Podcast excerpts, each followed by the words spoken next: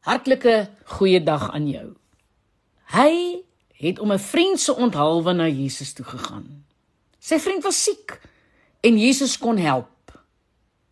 En iemand moes na Jesus gaan. En toe gaan iemand. Ander het op 'n ander manier na die siek man omgesien. Party het kos gebring en ander het behandeling voorsien en nog ander het die familie vertroos. Elke rol was belangrik. Elke persoon was behulpsaam, maar niemand was belangriker as die een wat na Jesus toe is nie. Hy het gegaan omdat hy moes gaan. Die familie van die siek man het 'n ernstige versoek gerig.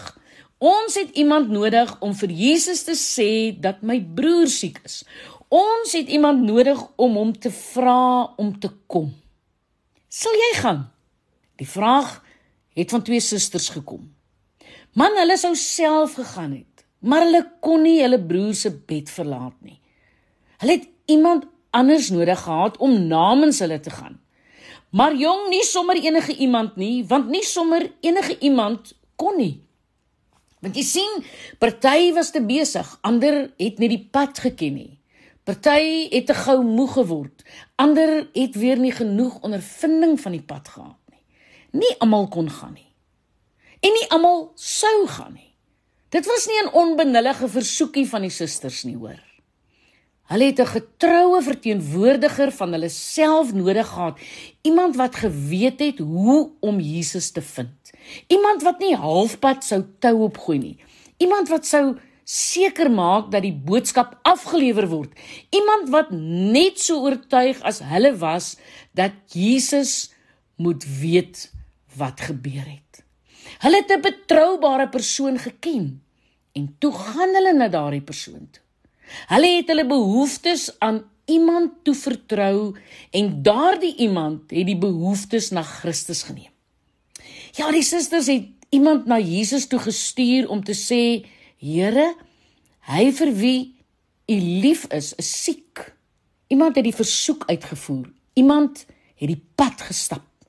Iemand het om Lazarus se onthaalwe na Jesus toe gegaan en en iemand het gegaan en omdat iemand gegaan het, het Jesus gereageer. Ek wil jou vra, hoe belangrik was hierdie persoon in die genesing van Lazarus? Hoe noodsaaklik was sy rol? Sommige mag mag dit as 'n sekondêre rol beskou. Buitendien, Jesus was tog mos alwetend of hoe? Hm? Hy het tog seker geweet Lazarus was siek. Ja, jy's reg. Maar hy het nie op die behoefte gereageer totdat iemand met die boodskap na hom toe gekom het nie. Toe Jesus dit hoor, het hy gesê: "Hierdie siekte sal nie op die dood uitloop nie, maar op die openbaring van die mag van God, sodat die seun van God daardeur verheerlik kan word." Wanneer is Lazarus genees? Nadat iemand die versoek gerig het. O ek weet, die genesing het nie voor 'n paar dae later eers plaasgevind nie, maar die tydmeter is gestel toe die versoek gerig is. Al wat nodig was was vir die tyd om verby te gaan. Sou Jesus reageer het as die boodskapper nie gepraat het nie? Miskien, maar ons kan nie seker wees nie. Ons het egter 'n voorbeeld. Die krag van God is deur gebed in werking gestel Jesus het by die keelgat van die doodse spilonk afgekyk en Lazarus weer lewend gemaak. Hoekom? Net omdat iemand gebid het. Is dit nie wonderlik nie? En ek wil vir jou as 'n Christen ouer sê, moet nooit die krag wat ontstaan wanneer jy bid om jou kind se onthaalwe tot God onderskat nie. Wie weet hoeveel gebede op hierdie oomblik beantwoord is as gevolg van getroue gebede van 'n ouer 10 of 20 jaar gelede. God luister na ouers wat bid. Ek wil jou aanmoedig. Jy is belangrik wanneer jy aan God 'n boodskap oordra. Hou aan bid. Moenie moedeloos word nie. God eer jou versoek en God beantwoord jou gebed.